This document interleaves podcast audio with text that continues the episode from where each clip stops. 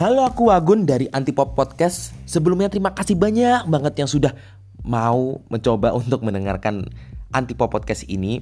Dan yang bingung juga wajar aja Karena Antipop Podcast sebetulnya berisi tentang topik-topik yang terpinggirkan Yang sebetulnya layak dibahas tapi nggak banyak dibahas oleh masyarakat Atau di halayak banyak Karena ini anti-pop atau anti-popular opinion dan harapannya ya, ini yang awalnya adalah topik yang tidak populer menjadi populer dan menjadi lebih sering untuk dibahas, lebih sering untuk didiskusikan. Semoga dari podcast ini kalian mendapatkan insight yang baru dan selamat mendengarkan.